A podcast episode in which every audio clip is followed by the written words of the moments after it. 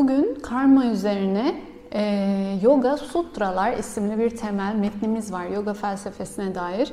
Buradan bir cümleyi okuyarak bu sutrayı ya da cümleyi dediğimiz aslında aforizmayı yorumlamaya çalışacağız. Karma üzerine yazılmış bir sutra. Dördüncü bölümde yedinci sutra.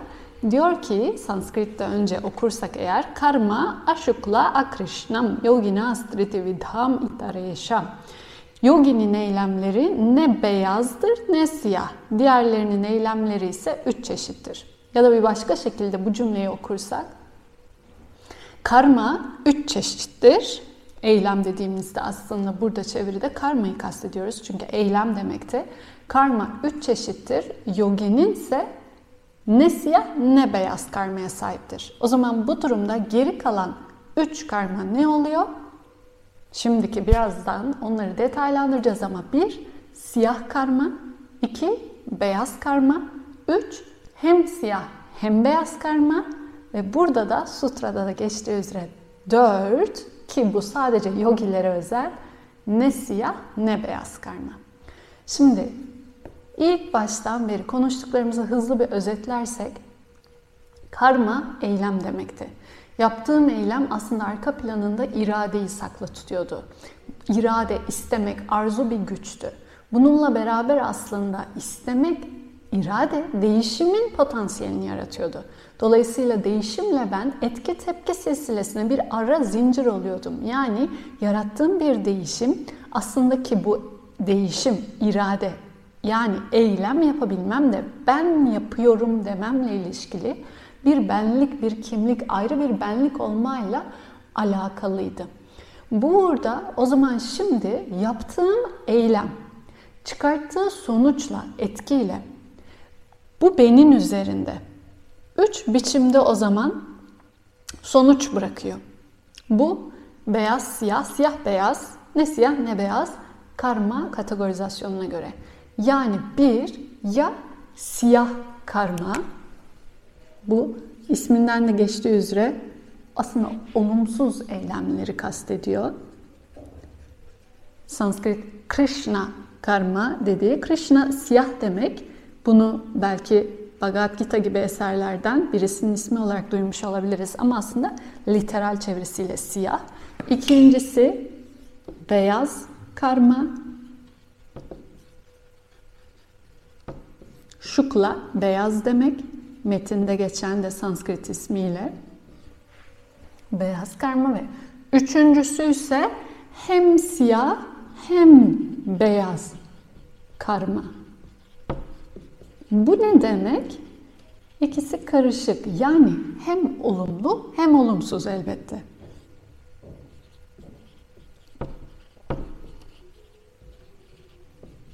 Şimdi öncelikle bu üçlüyü anlamak çok önemli. Bu üçlü bizim her an eylemlerimizin içerisinde ama en çok sıradan bir insan hem siyah hem beyaz bu karmayla beraber hayatını örüyor. Ancak buradan olumsuza bakarsak diğerini anlamamız ya da diğerlerini anlamamız daha kolay olacak.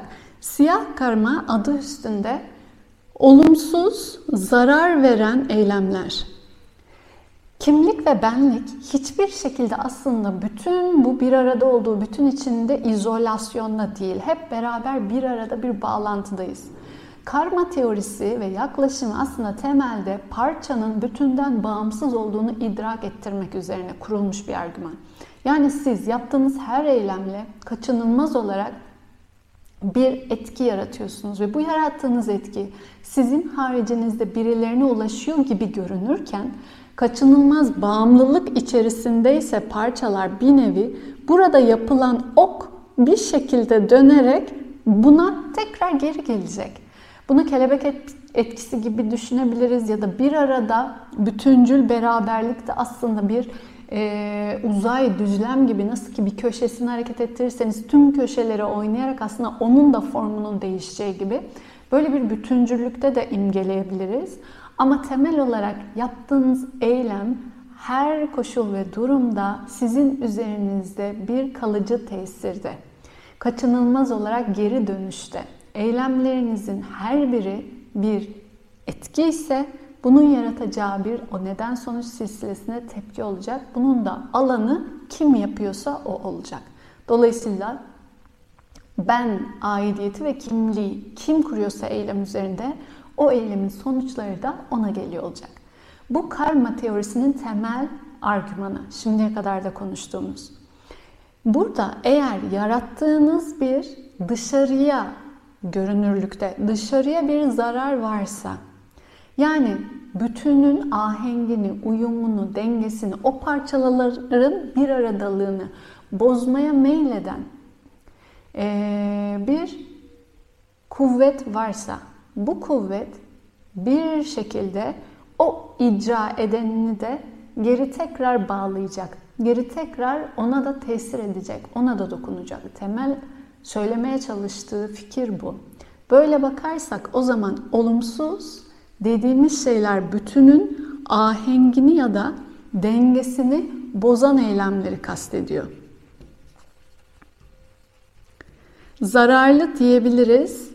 Zaten biz bu kelimeye aslında zarar dediğimizde o bütün denilen fonksiyonun veya organizmanın e, icraatını bir şekilde sekteye oraya uğratan bir kavramı kastediyoruz. Diyelim ki bu bedene zarar veren dediğimde bu bedenin bütüncül fonksiyonunu, eylemini sekteye uğratan bir şey kastediyorum demek. Bu e, yediğim bir besin de olabilir, konuştuğum işte bir söz de olabilir.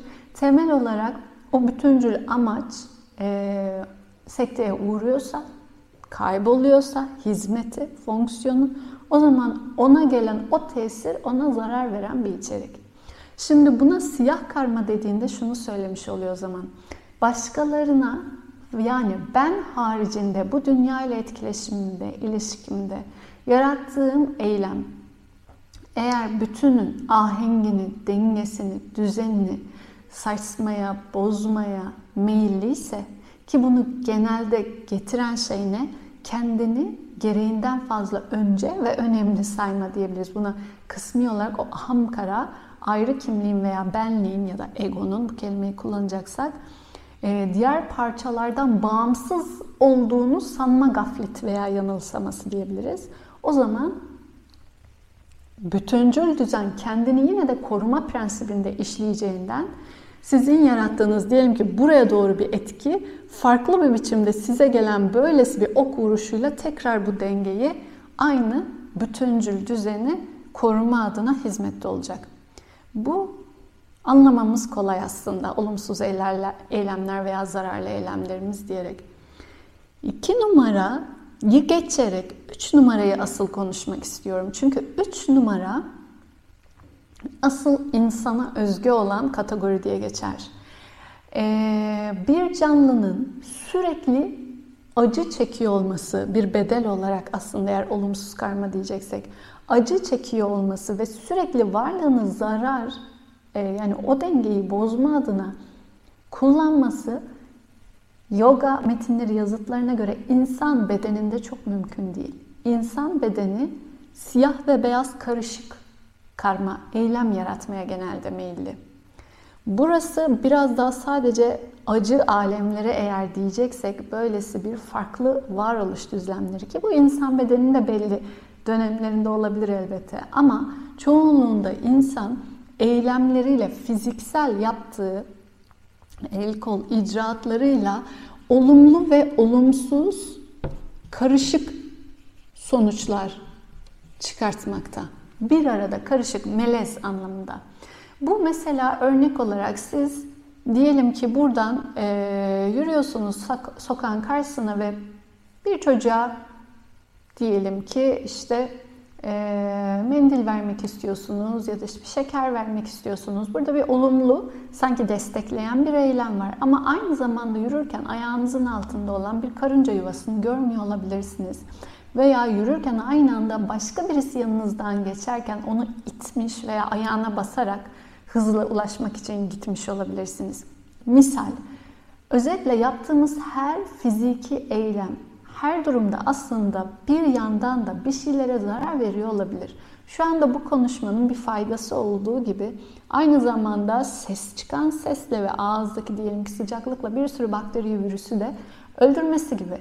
Bu e, zihnimin bireysel insan iradesinin aslında tahayyül edemeyeceği ihtimaller ve sonuçlar silsilesinde böyle bir kombinasyonlar içeriğinde, kümesinde olduğumuzu hatırlatan da bir e, argümandan geliyor. Bu durumda o zaman ben yani insan fiziki eylemleri içerisinde olumluyla beraber olumsuzu da yaratabilme potansiyelini hep içinde taşıyor.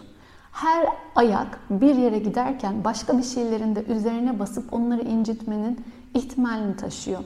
Bu bilerek ve bilmeyerek dediğimde evet farklılaşabilir irade girdiği için devreye. Ama kısmi olarak bir bilinç seviyesi yani daha bilmeyerek gibi görünen bir yerde bile çoğu zaman verdiğimiz aslında ahenk denge bozan veya yıkım yaratan etkilerimiz var. Anlatmaya çalıştığı en azından bu teorinin fizik düzlemde kaba, somut, elle tutulur, gözle görülür düzlemde e, yapımla yıkım hep bir arada böylesine yakın ilişkide. Dolayısıyla siz fizik düzlemde yaptığınız her fiziki eylemle hem bir yapıma ama aynı zamanda da hem de bir yıkıma hizmet ediyor olabilirsiniz. Bu bilinçli olabilir, bilmeyerek olabilir ama her fiziki eylem eş zamanlı olumlu ve olumsuz sonuçlarıyla beraber gelir. Bu dolayısıyla siyah beyaz karışık karma kastettiği bu. Ve bu uğurda aslında bilinçli olduğunuz şeyler ve çoğunluğunda yaptığınız şeylere bağlı evet ona göre etki tepki zinciriniz farklılaşabilir. Diyelim ki o çocuğa yardım etme bilinçli bir niyetle giderken bilinçsizce karınca yuvasını eziyorsam bilinçle beraber iyiliğin ya da bütüne dengenin hizmetinin e, yaptığım bu çaba bilinçsizce yaptığım diğer çabanın yanında daha yüksek bir ağırlıkta olabilir ve diğerini minimize edebilir ya da etkilerini tepki olarak biçmesini e, kompanse edebilir. Onu dengeleyebilir. Ama öte yandan bunun da yine de mevcut olduğunu e, inkar edemez. Dolayısıyla temel argüman şuna çıkmış oluyor. Eylemlerim öylesine sayılamayacak kadar sonuçlar getirmekte ki şuurumun içinde ve şuurumun dışında. O kadar çok etkileşim silsilesi içindeki somut madde aleminde şu an varoluşumuz.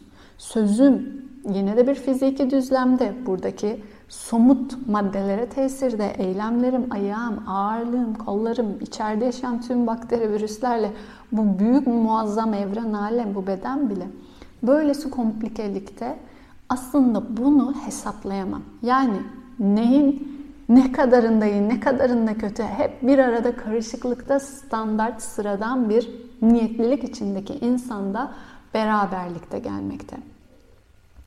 Şimdi bu kavram dolayısıyla önemli olan fizik düzlem üzerinde konuştuğumuzda fizik ve peki beyaz ne demek? Beyazsa saf olumlu. Yani hiçbir olumsuz, ahenk bozucu, zarar olabilecek potansiyeli bile içermeyen. Böyle bir şey o zaman bir insan, bir insan bedeninde bu dünya düzleminde herhangi bir eylem olabilir mi? Soru bu. En azından bu kitabın da sormaya çalıştığı, bir yandan da insanlara sordurmaya çalıştığı soru bu. Cevap ki tahmin ettiğimiz üzere hayır.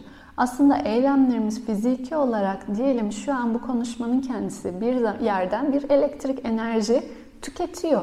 Bir şeyi de biçtiriyor. Bir şeyi yaratırken yani bir şeyi kurarken hep bir şeyleri de dağıtıyor ve bozuyor. Peki hiç mi insanın iradesi dahilinde saf ya da beyaz sayılabilecek sadece olumlu etki yani olumsuz potansiyel yıkım yaratma ihtimali olmayan bir edim olamaz mı? Olabilir ama bunun cevabı fizikte değil, zihinde gizli. Zihin fizik olarak dışarıya tezahür, maddeye, somuta dokunmadığı için ve zihin içerisinde sadece olumlu düşüncenin kendisi olumlu niyetin kendisi, olumlu düşünce ve niyet ekme çalışmalarının kendisi ancak ve ancak şukla yani beyaz sayılabilecek bir şey girebilir. Buna olumlu veya saf fayda ya da saf o anlamda e, hiçbir katışıksız lıkla iyilik veya düzene hizmet eden e, eylemler diyeceksek, eylem dediğimizde fiziği kastetmiyoruz yalnız burada. Önemli olan dikkat, sadece zihnin de yaptığı her bir düşünce de aslında eylem. Bunu söylemiş oluyor. O zaman zihinsel yaptığınız olumlu düşünme ve bunun için çaba teknik olarak uygulamasındaysa aslında bizim meditasyon dediğimiz veya zihinle yapılan e, olumlu telkin, zikir, dua gibi manevi aslında içsel aslında ki bunlar sadece zihinle yapılır. Bakarsak dua zihinsel bir eylemdir. Meditasyon zihinsel bir eylemdir. Olumlu düşünme, herkes için iyi niyet ve dilekte bulunma zihinsel bir eylemdir. Yoga uygulamalarında olan bir zihinsel niyeti tekrarlama anlamına gelen zikir gibi çalışmalar da var. Japa denilen. Bu yine tasavvuf kültüründe de var. Zihinsel aslında bir eylemdir. Ağzınızdan söylemenize gerek yoktur zikri. Aslında daha derin çalışmasına zihinsel o iyi niyeti tekrarlarsınız telkini. Ancak ve ancak bu tarz zihinsel eylemlerin saf kalabileceğini söylüyor. Şimdi bunu dediğinde de çok önemli bir şey keşfetmiş oluyoruz. O zaman bu beyaz eylemler ne kadar yoğunluktaysa kendi diyelim ki yani bunu böyle bir hani kaba olarak örnekleme adına gösteriyorum. 20 artı puan gibi düşünürsek buraya da bilmeden yaptığım eksi 5 ve bu da karışık olarak artı 10, eksi 10 beraber geliyorsa gibi. Orada aslında bu bunu nötralize ederek ya da bu ona göre karışıklığında yine bunun da dengesiyle daha totalin yani beyazın mı siyahın mı benim hayatımda daha egemen olduğunu belirleyen olacak. Bu parantezle ya da bu açıklamayla niçin belki böyle e, bazen dolunayda, yeni ayda ya da özel zamanlarda bu işte mevlüt vesaire gibi bu kültürün içerisinde de var. Sadece manevi çalışma, dua, meditasyon gibi, zikir gibi uygulamaların yapılmasının dış dünyaya, hayat içerisinde bu bazen böyle astrolojide de işte söylenir. Şu an girmeyin ilişkiyi dışarıya, hayata çok etkileşime, işte Jüpiter şöyle bir şey yapıyor vesaire gibi. Aslında biraz arka planındaki mantığı söylemeye çalışıyor. Sizi tetikleyebilecek, etkileyebilecek dış durum ve koşullar olabilir. Bu sadece bu özel durumlar için de geçerli değil. Bunlarda belki daha tetiklenme meyilli olduğu için ama hayatımızın geri kalan her anı için de geçerli.